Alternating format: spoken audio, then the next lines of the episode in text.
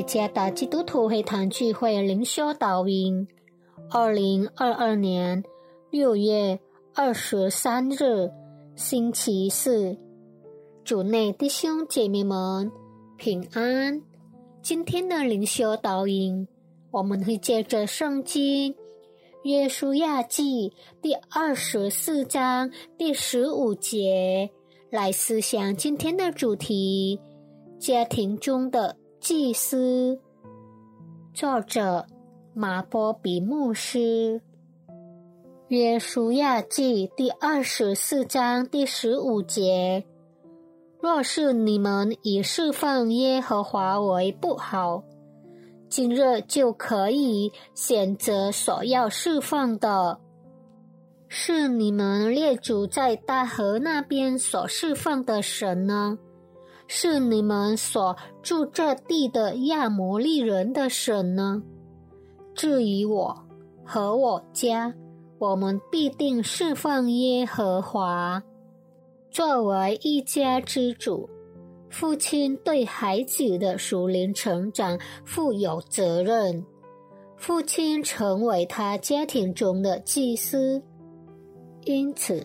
他必须引导和指导他们在对神的信心里不断成长。父亲也是神的代表，他被赋予了家庭神圣的职责，也不以为奇。就如《生命记》第六章第七节里所指的，《约书亚记》第二十四章第十五节。记载有关在事件更新的约中，约书亚承诺他与他的家将仍然侍奉耶和华。约书亚为什么这样做？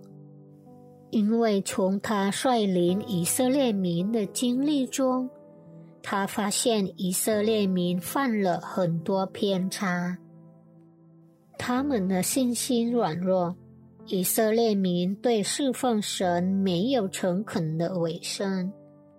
约书亚不希望同样的事件在他家庭中再次发生，他将诚恳的致力于带领他的家人对神保持坚定的信心。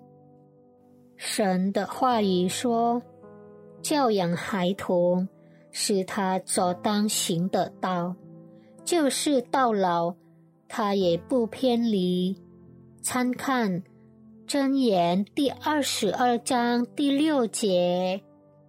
在家庭中，担任祭司是父亲的义务或责任，但不幸的是，没有多少人意识到这责任。作为领导者，他们必须对家庭中的失败事件反思。孩子不尊重父母，对父母说粗暴的话，甚至不关心信心的成长。有句俗语说：“未下雨之前，先预备伞。”意思是，父亲们必须。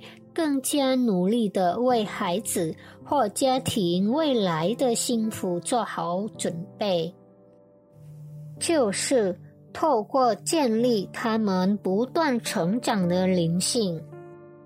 箴言里说：“敬畏耶和华，心存谦卑，就得富有、尊荣、生命为赏赐。”参看。箴言第二十二章第四节：一代敬畏神之人的出现，乃是从父亲做家中的祭司开始。愿上帝赐福大家。